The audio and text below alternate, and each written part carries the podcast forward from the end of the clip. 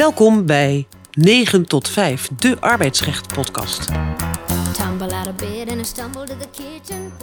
Mijn naam is Els de Wind. Ik spreek hier vandaag met Jet Stolk en Constant van Tuil. En waar gaan wij het over hebben? Over medezeggenschap. We hebben um, twee interessante zaken van de laatste tijd die we willen bespreken. En als er nog tijd is, gaan we ook nog op vier andere zaken kort in. Die laatste zaken gaan eigenlijk meer over uh, procedurele aspecten. Eerst zal ik nog even voor degenen die daar niet goed in zitten, heel kort vertellen. Um, welke artikelen van de Wet op de Ondernemingsraden uh, hier van belang zijn vandaag in deze podcast. Dat zijn uh, artikel 25 en artikel 27 van de Wet op de Ondernemingsraden. En daarin staan twee belangrijke rechten van de ondernemingsraad. Artikel 25, daar staat het adviesrecht in van een ondernemingsraad. Uh, adviesrecht, uh, dat heeft de ondernemingsraad over een aantal financieel-economische uh, activiteiten. Um, daar moet de ondernemer, als de ondernemer, hè, een bedrijf voornemens is, een besluit te nemen op een van die, nou, over een van die activiteiten. En die staan allemaal opgesomd in de wet. Dan moet de ondernemer daar vooraf advies van de ondernemingsraad over vragen. Um, nou, als die procedure doorlopen is, um, dan kan die ondernemingsraad het besluit nemen. Als dat besluit niet helemaal in uh, overeenstemming is, of niet, of niet helemaal in overeenstemming is met uh, het advies van de ondernemingsraad, dan mag de ondernemer het besluit niet ten uitvoer brengen. En dan heeft de ondernemingsraad een maand om bij de ondernemingskamer, dat is een speciale uh, rechter, een rechtbank binnen het Hof van Amsterdam. dan kan de ondernemingsraad daar een beroepsprocedure starten. Dus dat is de adviesprocedure. Een verdergaand recht is eigenlijk het recht van artikel 27 uit de wet. Dat is het instemmingsrecht van de ondernemingsraad. En dat instemmingsrecht bestaat ten aanzien van een aantal, uh, ik zou zeggen, uh, voorgenomen besluiten van een bedrijf, van een ondernemer, uh, op het gebied van sociaal beleid, op het gebied van je kunt zeggen secundaire arbeidsvoorwaarden. Um, en waarom is dat recht verdergaand? Als de ondernemer die dan weer naar de ondernemingsraad moet om vooraf instemming te vragen ten aanzien van zo'n um, voorgenomen besluit en de ondernemer krijgt die instemming niet, dan um, kan de ondernemer dat besluit niet ten uitvoer leggen, maar moet eerst vervangende toestemming vragen bij de kantonrechter. En dat is in de praktijk best um, een lastige procedure. Die kantonrechter weegt dan de belangen af van partijen en komt dan tot een uitspraak. Um, dat even in het kort. Die uh, uitspraken die we gaan bespreken uh, vandaag hebben dus betrekking op artikel 25 en op artikel 27. We beginnen bij de twee uh, inhoudelijke uitspraken, zou ik ze willen noemen. En dan begin ik bij een uitspraak van eind vorig jaar van die ondernemingskamer bij het Hof Amsterdam. En die gaat over artikel 25 lid 1 en. En wat staat daarin?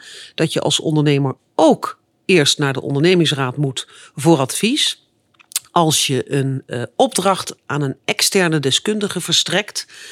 Um, uh, dus, dus, dus zeg maar ja, een, een, advies vraagt van een externe deskundige op één van de onderwerpen die genoemd staan in artikel 25, dan moet je vooraf dus ook eerst naar de OR. En in de praktijk, uh, nou wordt dat nog wel eens vergeten. Jet, um, zou jij even kort kunnen vertellen waar dit nou eigenlijk over gaat en waarom we die uitspraak interessant vinden? Dit is inderdaad een uh, hot topic. Ik denk zeker onder uh, uh, advocaten van kantoren die veel M&A-transacties doen.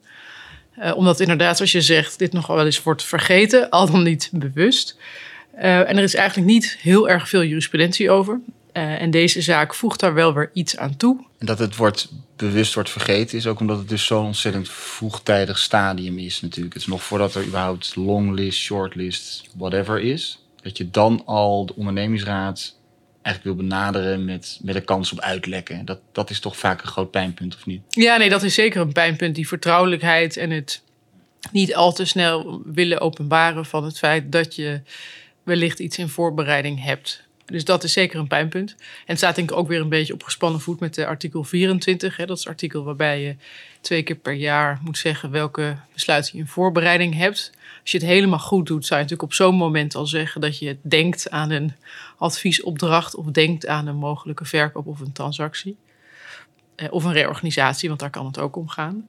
Nou ja, en vaak denken partijen er misschien niet aan dat als je zo'n uh, externe adviseur inschakelt, dat dat dan zo van belang kan zijn voor een procedure binnen de onderneming. Maar daar gaat het hier ook over. Want hè, waar, waar ligt de grens? Wanneer moet je dan uh, advies vragen? Precies. Als je zo'n externe deskundige inschakelt en, en, wanneer niet? Helemaal niet als je al twintig jaar bij dezelfde adviseur zit natuurlijk. Ook dat. Voelt heel, ja. voelt heel gek opeens. Ja. ja.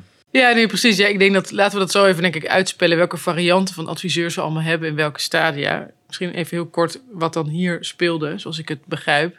Um, STG um, zit in Nederland. Uh, ja, en op enig moment verstrekken zij een opdracht aan KPMG. En die opdracht zou er dan opzien, uh, eigenlijk om te kijken naar een aantal aspecten van het concern meer wereldwijd.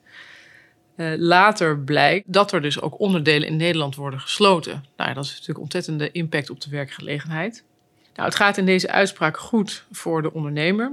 Andere woorden, KPMG heeft daar niet gezegd wat de inhoud zou kunnen zijn van een voorgenomen besluit met gevolgen in Nederland, maar vooral ja, handjes geboden, ondersteuning geboden, dus meer uitvoerend te werk gegaan. Uh, wat je net zei, um, um, es, um, die externe deskundige was ingeschakeld om te ondersteunen bij het onderzoeken van hoe de toekomstige productorganisatie in de groep eruit moet zien. en, die, en die OR zei, ja, we zitten in die adviesprocedure, maar er ligt een rapport van KPMG waar jullie blijkbaar op varen. Mede en wij zijn helemaal niet ja. in staat geweest om daar om iets over te, te zeggen. vinden. Nee, ja. ja, precies. En dat, volgens mij is dat precies waar het hier wringt. En dat is waar het ook denk ik vaker in de praktijk wringt, is dan uh, het is natuurlijk ook een element van voorzienbaarheid. Hè? Als je die opdracht verstrekt, weet je dan al dat het een uitkomst kan kennen met, met die negatieve gevolgen.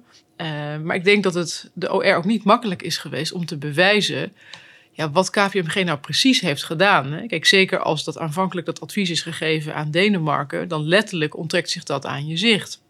Dus dan moet je toch een beetje ja, zoeken naar informatie. En dat is niet, niet eenvoudig, denk ik.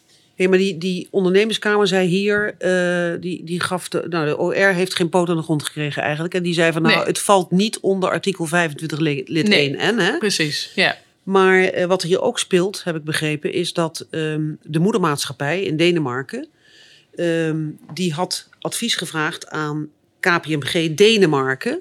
En dat advies eh, strekte zich niet alleen uit, hè, dat ging niet alleen over de Nederlandse organisatie, maar over de hele groep, be- Ja. begreep ik. ja.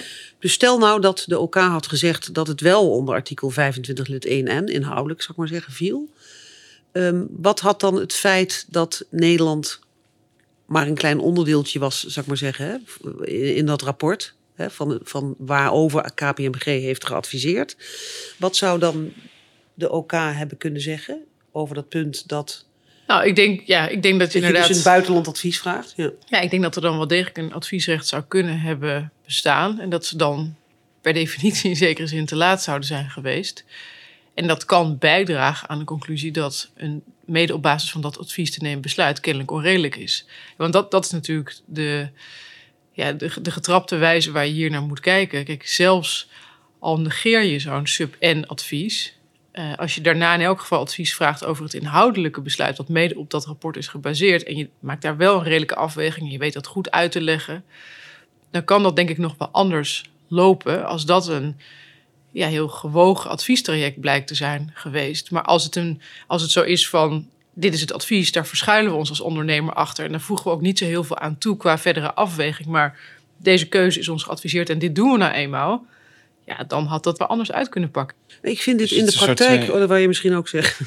Nou, het is, een soort, ik, het is een soort, volgens mij een soort tweetrapsraket. Dus hier heeft de ondernemingskamer het redelijk snel afgedaan en gezegd... joh, het is, het is geen advies, het is geen inhoudelijk advies. Het is meer ondersteunend, faciliterend. Waarbij ze inderdaad, denk ik, de ondernemer toch wel een beetje gered heeft... omdat er kennelijk wel, in ieder geval in voorbereidende stuk... allerlei onhandige uitingen stonden van wel advies en dit en dat. Ehm, en het tweede is dan inderdaad... ja, stel ze hadden we- geoordeeld dat het wel een advies was... Ehm, en dan kom je denk ik een beetje in het interessante leerstuk van toerekening. En dat is natuurlijk, dat is wel aardig, want volgens mij is dat, dat is ooit ehm, ontworpen. Omdat je natuurlijk anders heel makkelijk het medezeggenschap kan uitrollen. Door inderdaad een niveautje hoger zo'n advies te vragen. Ja, nou dus was hier wel zo natuurlijk, dat is de Elster-vraag denk ik ook. Het was een, ja, wel een groepsbrede uitvraag. Maar goed, als het voorzienbaar is dat als onderdeel van die groep er best wel heftige gevolgen kunnen zijn voor Nederland, vind ik nog steeds dat mede, of je nou mede-ondernemerschap of toerekening daarvoor nodig hebt, dan kan het nog steeds zo zijn. Maar dat ligt natuurlijk ook wel een beetje aan wat het niveau Het en, de, en, de, en ja. precies en de diepte van, van die, van die Ja. adviesopdracht was. Ja.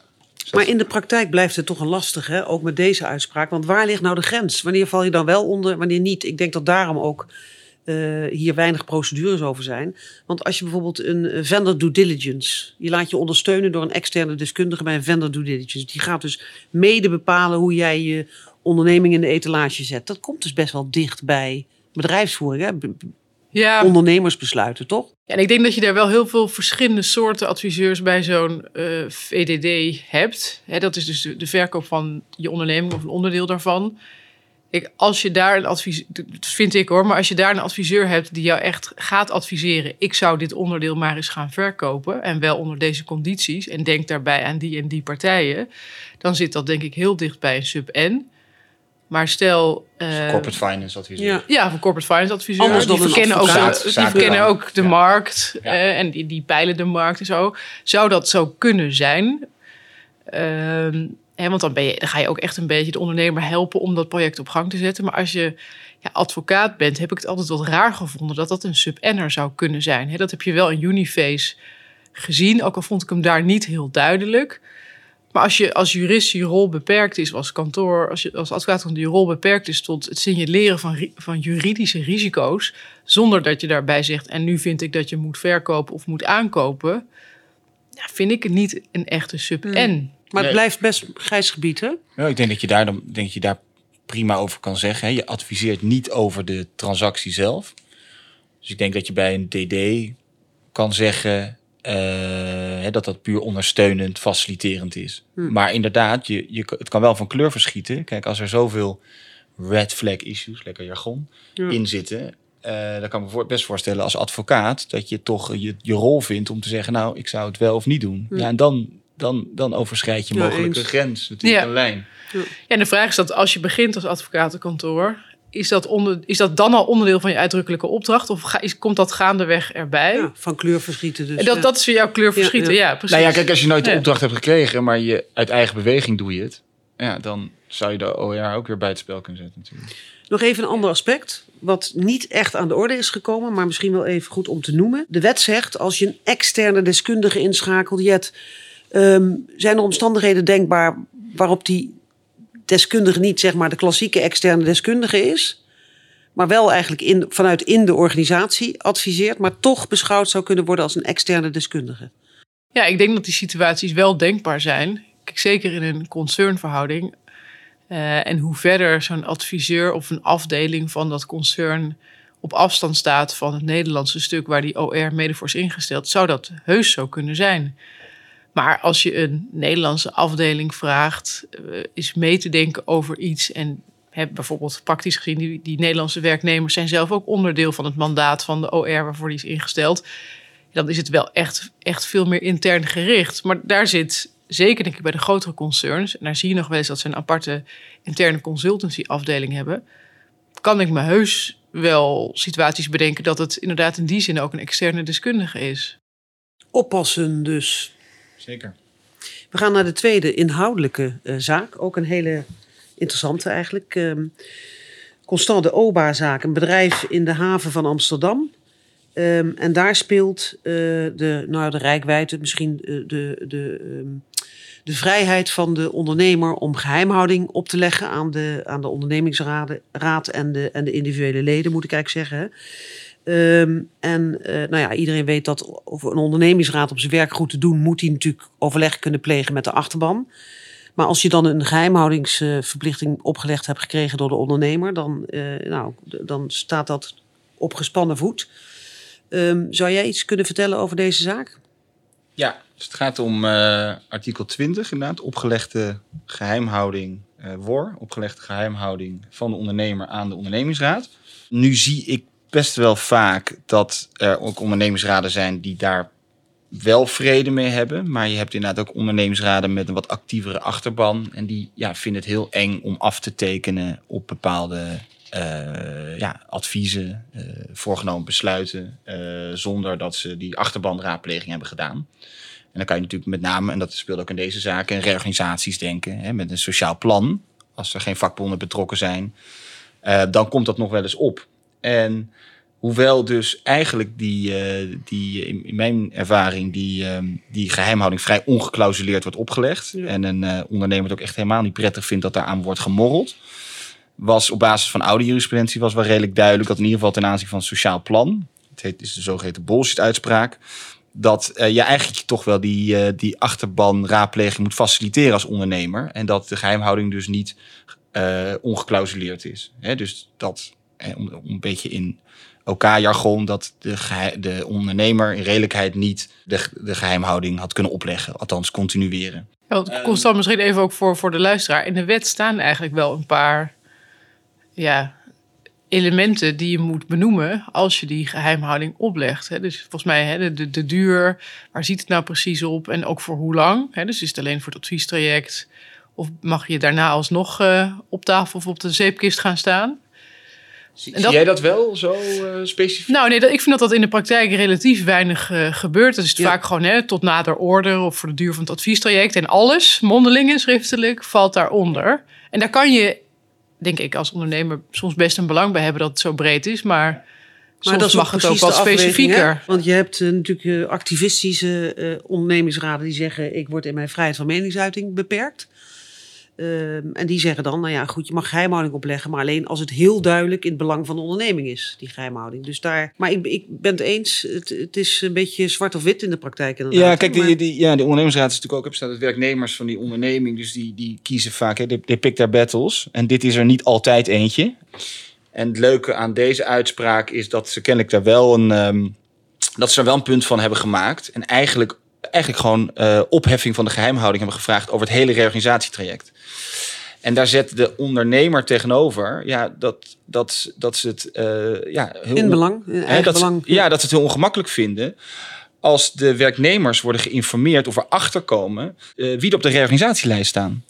En, eh, en dat zijn natuurlijk zelf die werknemers willen informeren. En dat, dat begrijp ik heel goed. En dat is denk ik toch wel het winnende argument hier. Dus het ging niet zozeer om, om het sociaal plan, maar eigenlijk één stap daarvoor. Wie staan op de reorganisatielijst? Ik denk inderdaad ook wel dat zou echt wel bij de ondernemer moeten liggen. Ja. Eh, tuurlijk krijgt de ondernemingsraad toegang tot de informatie, maar daar lijkt uit deze uitspraak te volgen, de, eh, kun je denk ik voor inderdaad de hele duur van het adviestraject geheimhouding opleggen. En wat wel interessant is in die uitspraak, dat toch het procedurele aspect, hè, hoe de zorgplicht van partijen jegens elkaar, en dat zie je eigenlijk in al die toch wel heel veel, heel veel elkaar uitspraken, dat het een beetje ook een tactisch spel is, dat je altijd ja, eh, eh, eh, rekening moet houden met de belangen van de, van, de, van de andere kant. En dat doet de ondernemer in dit geval heel goed. Hè. Dus ze blijven meedenken, ze zeggen ja, daar is ook aandacht voor ja, inderdaad dat in is, de uitspraak. Ja. dat, is, dat is denk ik heel slim gedaan. Ja. Dus hè, ze zeggen ook, nou weet je, we gaan als ondernemer of bestuur... gaan we wel dan bij die achterbanraadpleging zitten. En wij zullen dan bepaalde vragen wel op ons nemen... waar we dus eigenlijk de geheimhouding niet voor willen opheffen. Ehm, en daar op een gegeven moment ja, reageert de, de, de, onderne- de ondernemingsraad... Die, die, die, die blaast dan het hele achter... En dat wordt eigenlijk te agressief gevonden, zo, zo lees ik het. Die gaan blaast dan- opeens heel, heel star zitten. Ja. dus, ja, hè? die blaast dan Ja. het hele achterbanoverleg af... en wil echt alleen Beetje maar... dus- principieel bijna. ja, wil alleen maar gewoon hè, gaat voor niets minder dan volledige eh, opheffing van eh, die geheimhouding. Het was Ehm, toch ook zo dat de ondernemer ook had gezegd van nou je mag wel met een aantal, ik geloof ik veel, managers of wie dan ook wel spreken, hè, Hmm. die we aan kunnen wijzen waarvan we een beetje een gecontroleerde groep, Ja, zodat je in ieder geval wel iets hebt van toetsing van is het hoe wij het willen gaan doen, is dat een beetje redelijk. Ja. Eh, Dus, dus er waren dus door deze ondernemer denk ik vrij slim. Het was niet een, een, een full niet, maar wel eh, ja, gewoon goed uitgelegd waarom er een nee was en wat de mogelijkheden wel waren. ja, Ja, wat we ervan leren is dat het dus de moeite loont om als ondernemer goed en open Ja. en meewerkend in zo'n proces te zitten. Hè? Dat, wat, Ja. wat Constant zegt, dat, eh, dat blijkt hier ook uit. Ik heb nog één vraag over deze uitspraak. Er, wordt- er wordt wel gezegd eh, in de reacties op deze uitspraak eh, in de literatuur van nou, we moeten artikel 20 maar eens herbezinnen. En dan wordt er gezegd, we hebben immers al een geheimhoudingsbeding in de individuele arbeidsovereenkomst. Ik vind dat niet zo'n sterk argument. Herbezinning zou goed zijn, maar niet onder verwijzing naar dat we een hè, geheimhoudingsbepaling hebben in, in de individuele nee, arbeidsovereenkomst. ik had dat ook gelezen. Ja. Ik vond het ook niet zo'n sterk argument. Want die geheimhouding ziet vaak op het eh, niet naar buiten brengen. Dus aan derden van Precies. informatie. En dit is nou juist... Over de je- business, Ja, ja. dit is dat je je kop moet houden tegen je mede-collega's. Over wat je met Ja. de onderneming bespreekt, Ja. over advies en dus en die- dergelijke. Die- ik had het ook gelezen. Dat volg, Ja. kon, kon, kon ik ook niet helemaal volgen. Nee. Nee, Nou. ik, ik vind wel dat we in de praktijk mogen herbezinnen hoe we de concrete handen en voeten aangeven. Maar het lijkt mij wel heel terecht dat die aparte verplichting er is. Ook om, al was het maar een bewustwordingsdingetje hè, voor de OR-leden. eh, toch iedere keer weer erbij te zeggen, pas op. eh, dit is wel iets bijzonders wat je En te zie je daar in de praktijk wel eens een boete op staan of niet? Nee. Ja, soms wel. Dat heb je natuurlijk wel. Aparte non-disclosure agreement. En dan boetebeding ja, heb je ja. natuurlijk Nou, dat, wel. dat vind ik altijd wel lastig. Er zijn best veel cliënten die dan Klopt. daarnaast een NDA, hè, dus Ja. inderdaad zo'n non-disclosure agreement, nog aan die OR-leden willen opleggen. En sommige OR-leden tekenen dat gewoon braaf. Cliënten met een zekere nationaliteit. Ja, precies. Maar als, ik, als ik zelf eh, de OR bijsta, dan zeg ik... nou jongens, dat hoeft niet. Maar we kunnen wel bevestigen dat we de opgelegde geheimhouding zullen accepteren. Maar ik vind daar een ja. aparte boete vind ik ook niet de juiste sanctie. Ik vind eerder dan uitsluiting van je OR-lidmaatschap... of in het ergste geval ontslag. Lijkt Hm. me logischer eigenlijk. Maar goed. Goed, we hebben nog tijd voor die eh, vier eh, uitspraken die meer over procedurele aspecten gaat. Eh, heel kort dan eventjes. Eerst, ehm, Jet, de uitspraak over de eh, International School Amsterdam. Ja, Die ging erover ehm, eh, dat er een besluit werd genomen door de ondernemer voordat überhaupt het instemming ging het hierover. Het instemmingstraject artikel 27 zeg maar doorlopen was. Eh, ja, heel kort. Dit ging inderdaad om verzobering van eh, arbeidsvoorwaarden. Ik denk dat dat natuurlijk per definitie altijd een gevoelig onderwerp. Dus daar, daar moet je denk ik als ondernemer net wat meer geduld betrachten. En deze ondernemer die had niet zo heel veel geduld. Ze begonnen denk ik vrij goed aan het instemmingstraject. Eh, maar op een gegeven moment is er gezegd, eh, er waren ook wat vragenrondes geweest, van nou, we willen uiterlijk einde maand, uiterlijk 30 juni, eh, willen we ehm, horen of je wel of niet instemt. En eigenlijk een, een dag na een, een bespreking, twee weken daarvoor, Ja. is de ondernemers opeens zat en nemen ze het besluit. En wachten ze dus die instemming niet af. Ja, en dan zegt de kantonrechter denk ik terecht, ja, u kunt mij wel vervangende instemming vragen, maar de OR heeft nog niet eens besloten of ze wel of niet instemmen, dus je bent te vroeg. En als ik nu ga zitten instemmen in plaats van de OR, ja, dan hol ik dat rol- recht van de OR uit. Ja. Dus het is wel een beetje een formalistische benadering, maar ik, ik, snap Ja, het want de wel. ondernemer had dus ook in die procedure gevraagd aan de rechter: geef me dan maar vervangende toestemming. Ja, en precies. toen zei de rechter: dat kan niet. Ja, nee, want, Want- ze- misschien even de volgende ja, dingen. De OR had gezegd van dat kan niet. Ik roep de nietigheid in. En toen zei de ondernemer, nou dat kan niet, want ik wil gewoon door. Dus geef mij dan maar die vervangende instemming of toestemming. Ehm, en daarvan zei de rechter denk ik terecht, ja dat, dat ga ik niet doen. En even los nog van de vraag of het inhoudelijk daaraan had kunnen toekomen. Want dat is altijd ook een vrij hoge lat. Maar hier gaat het dus op het procedurele al mis. En als de OR nou, de OR kan natuurlijk eeuwig treuzelen. Waar, wanneer, wanneer, ja, wat is het cut-off point, zeg maar? Nou, ik, ik denk op zich dat partijen het hier kennelijk wel eens waren over het feit dat die einde maanddatum een redelijke datum was. Want ze wilden daarna gaan implementeren. Eh, alleen, ja, het is gewoon stom van deze ondernemer dat ze dan klaarblijkelijk uit ongeduld twee Ja. weken daarvoor de stekker eruit trekken. Dus had dan op zijn minst even einde maand afgewacht en desnoods nog één reminder gestuurd van jongens, we moeten nu echt door. Dan had die uitkomst, wat betreft het procedurele in elk geval, anders uit kunnen zien. Of ze het dan alsnog hadden gehaald op de inhoud, dat vraag ik me af. Maar dat is een tweede. Volgende. Dit jaar, maart, Mitsubishi-uitspraak, Constant. En die is leuk, interessant. Eh, de OR heeft daar vergeefs een beroep gedaan op het feit dat er nieuwe feiten en omstandigheden eh, waren komen opdagen, zou ik maar zeggen, opdoemen. Ehm, kan je daar iets over vertellen? Ja, dus het idee is dat als je ja, niet alle actuele, hè, als je niet alle feiten en omstandigheden, je bent geïnformeerd alle eh, feiten en omstandigheden als ondernemingsraad en je baseert daar dus je advies op. Hè, dat zal dan een, vaak een positief advies zijn. En dan wordt besluit genomen en je komt erachter, hé, hey, er waren wel degelijk feiten die ervoor hadden gezorgd dat ik er eh, anders tegenaan had gekeken. Hè. Dus ja, een, een, En die heb je een- niet een- gehoord, Een, novum. niet ja, die heb je niet gehoord, zijn niet medegedeeld. Dan is het ook nog natuurlijk de vraag of het onderzoeksmededelingsplicht is. Hè. Maar ik denk dat, dat, dat, dat, toch, ja, eh, dat daar toch wel een rol voor de ondernemer zit om, om de ondernemingsraad volledig te informeren. Of rol van de OR om door te vragen, door te vragen, door te vragen? Ja, dat ligt ook. Dan kun je, Ja. hè, dan kun je, dan kan je, dan kan je echt terug naar de, op die grond kan je echt terug naar de OK. Kun je weer een, eh, een beroepsprocedure aanspannen. En hier, nou de feiten, is- ga niet zo uitgebreid wat interessant is. Er was een reorganisatie. Nou, met veel pijn en moeite geeft de ondernemingsraad een voorwaardelijk advies. Maar dan blijkt uiteindelijk vrij snel na het, dat het reorganisatiebesluit is genomen, blijkt er ook nog eens eh, eh, de nullijn te worden gehanteerd, volgens mij voor salarisverhoging of iets dergelijks. Dus eigenlijk worden de, nou ja, worden mensen in de organisatie dubbel gepakt, zo zou je het kunnen zeggen. En daar eh, wordt tegen geageerd. Ja, en dan zie je dat het dus echt gaat om feiten en omstandigheden die eh, in het adviestraject tot aan het eh, besluit die op dat moment speelden. Dus feiten en omstandigheden die daarna zijn opgekomen, tellen niet mee. Ja, en dan, dan zit natuurlijk de ondernemingsraad best wel lastige bewijspositie. Want die kon hier toch niet goed genoeg aantonen dat, dat eigenlijk die beslissing om die nullijn te hanteren, dat die al was genomen ten tijde van de reorganisatie. En dan heb je gewoon informatieachterstand. En daardoor is dit een. Ja, daardoor is dit toch een moeilijk eh, beneembare hoorde. Maar is het in de praktijk eigenlijk niet altijd zo dat het voor een OR heel lastig is om later te gaan bewijzen hè, of er nieuwe feiten en omstandigheden waren? Dat is toch heel. Ja, daarom zijn mij zou ook niet veel uitspraken Zijn niet bekend. veel uitspraken Eh, bekend, hè, nee. dan, dan, dan, is, ja, dat is eigenlijk de reguliere gang naar de OK, hè, waarbij het meer gaat om die procedures die in acht worden genomen, is eigenlijk, eh, die is eigenlijk, eh, eigenlijk ja, makkelijker, biedt meer kans op succes dan deze. Ja. Ja. Nou, dan hebben we nog eentje ehm, eh, over artikel 27 instemming. Eh, Honeywell, kan je daar iets over vertellen? Ja, ik- dit vond ik een beetje een eigenaardige Ja. eh, uitspraak. Ook omdat ik denk dat hier iemand een beetje voor eigen parochie aan het preken is gegaan. Namelijk een oud OR-lid. Eh, kennelijk was het zo dat eh, Honeywell vroeger een bepaald ontslagbeleid voerde. Althans, eigenlijk een soort van sociaal plan met de kantoorrechtersformule. Nou, dat hebben ze op een gegeven moment in 2015 na de introductie van de WWZ verlaten. En zijn ze gewoon transitievergoedingen gaan betalen bij ontslag.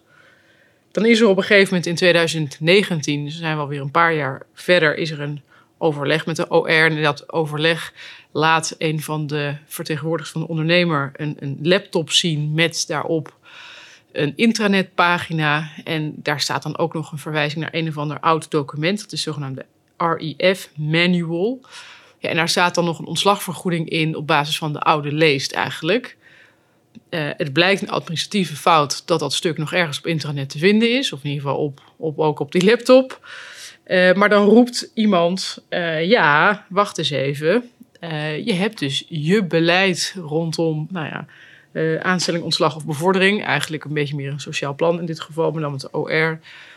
verlaten. En dat had je niet zomaar mo- mogen doen. Ehm, eh, dus dat is een nietig besluit. Ik vond hem nogal far-fetched, eerlijk gezegd. Het is gewoon iemand die eh, nog probeert een hogere ontslagvergoeding te claimen. En daar denk ik de OR voor zich gewonnen heeft om dat nog eens even uit te gaan vechten.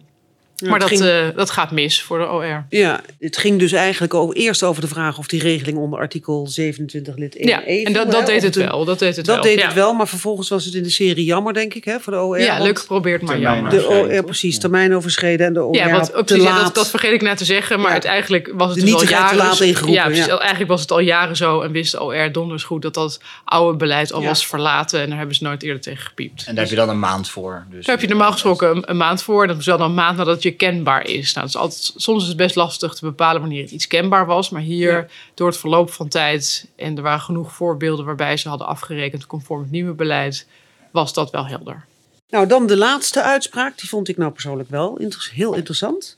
Eh, Constant, artikel 25 zitten we dan weer. Kan jij daar iets over vertellen? Ja, hij is een beetje... Voordat ik de vragen afschiet. Ja, oh god. Eh, hij is een beetje, hij is, hij is vrij technisch.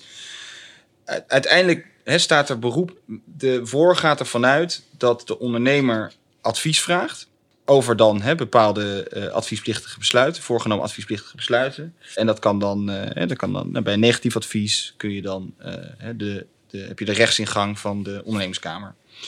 Ehm, maar wat nou als de ondernemer gewoon een besluit neemt en geen advies vraagt, terwijl het wel adviesplichtig is. Dat heet de Lingenleer. En dus eigenlijk bepaald, volgens mij door de Hoge Raad, dat dat dan moet worden gelijkgesteld met die situatie. Wat natuurlijk heel logisch is, want anders kun je het natuurlijk wel heel makkelijk eh, omzeilen. Ja, ook beroep als geen advies is gevraagd. Hè? Ja. Ja. En Maar nu- Hier speelde de, de situatie dat ehm, er het besluit nog niet was genomen. Hè, de- maar de ondernemer had wel aangegeven: wij gaan geen advies vragen. We vinden het niet adviesplichtig. Het was een soort gefaseerde, het was een soort gefaseerd, be- eh, gefaseerde besluitvorming. Waarbij een deel van deze hele herstructurering, eh, of een deel van deze hele herstructurering al dus door de ondernemer van tevoren werd gezegd: ja, dat onderdeel vinden we niet adviesplichtig. Nou, dat hele gefaseerde, dat is, daar, daar, daar is al staande jurisprudentie over. Er wordt al gezegd, ja, dat mag er niet toe leiden dat de medezeggenschap wordt verzwakt. Maar hier speelde dus eigenlijk dat de ehm, ondernemingsraad op basis van dat voornemen, op basis van, dat, van die uitspraak, hey, we gaan geen, we gaan geen eh, advies vragen, toen al naar de OK stapte. Wat op zich best gewaagd is. Maar OK gaf ze gelijk. Die zei, ja, weet je, anders leidt het alleen maar tot vertraging. Dus je hoeft niet te wachten tot dat besluit daadwerkelijk genomen is. Dus gaat eigenlijk vrij praktisch mee om. Je, moet, uh, je hoeft niet te wachten tot het besluit al genomen is. Als je, als je al weet dat, um, dat uh, die adviesaanvragen niet gaat komen. Dus uh, ja, vrij praktische insteek, denk ik, is wel wat kritiek opgekomen uit de literatuur. Die zeggen, nee, ja, het moet wel echt gekoppeld zijn aan besluit. En ja, wat is nou zo'n voornemen tot een besluit? Dat zou dan eigenlijk een andere rechtsingang voor moeten gelden en niet deze. Ja, ik weet niet. Ik vind, ik vind het wel een hele praktische oplossing inderdaad. Het voelt heel gek dat je als ondernemingsraad dan uh, op je handen moet gaan zitten. Terwijl je al weet dat het er niet gaat komen. En uiteindelijk is natuurlijk ook de ondernemer en is de hele organisatie gebaat met, met rechtszekerheid op kortere termijn, denk ik. Ja, maar wel één om in de gaten te houden. Want Lingen was dus een oude uitspraak. Um, ook beroep als geen advies is gevraagd. Maar deze gaat verder. Die zegt ook als er geen besluit is, toch beroep. Dus die gaat nog verder. Deze zaak is trouwens, die heet uh, Abeos Agri. Uh, wat er zijn nog twee andere aspecten die aan de orde komen. Die uitspraak hoeven we nu niet te behandelen. Maar eentje is nog wel leuk. Want er wordt ook iets gezegd over de grens tussen artikel 25 lid 1. Hè. Is dit nou een 25 lid 1 advies? Of de grens met artikel 25 lid 5. En daar staat in dat um, als de OR over bepaalde aspecten van de adviesaanvraag geen advies heeft gegeven, dan kan er nog een latere advies, later advies komen. Maar daar is dan geen ja, uitvoeringsbesluit. Ja. Daar is dan geen opschortingstermijn op beroepsrecht. Maar daar wordt hier wel iets over gezegd over de grens tussen die twee. Dus dat is ook wel interessant. Maar ik vind dit wel een uitspraak om in de gaten te houden. Ja, dus hier wordt echt gezegd: ja. dit is geen uitvoeringsbesluit. Dit is, hè, niet, dit is zo essentieel onderdeel van die herstructurering. Uh, dus daar, daar, daar kwamen ze niet mee weg. Nou, volgens mij ging het over dienstverleningsovereenkomsten. En daar zegt de rechter van ja, je kan wel even op hoog niveau zeggen wat er in die overeenkomsten staat. Maar dat moet echt wel wat beter uh, uh, onderbouwd worden. Ja. Hè, wil de OR hier iets over kunnen zeggen? Ja. ja. Nou, dan uh, zijn we daarmee door alle uitspraken heen. Um, ik denk dat het een mooie, mooie range was van verschillende onderwerpen die in deze recente uitspraken aan de orde kwamen. Ik hoop dat de luisteraars dat ook vinden. En dank Jet Stolk en Constant van Tel. Kijkt u vooral op onze website 9 tot 5 podcast.nl. Tot de volgende keer.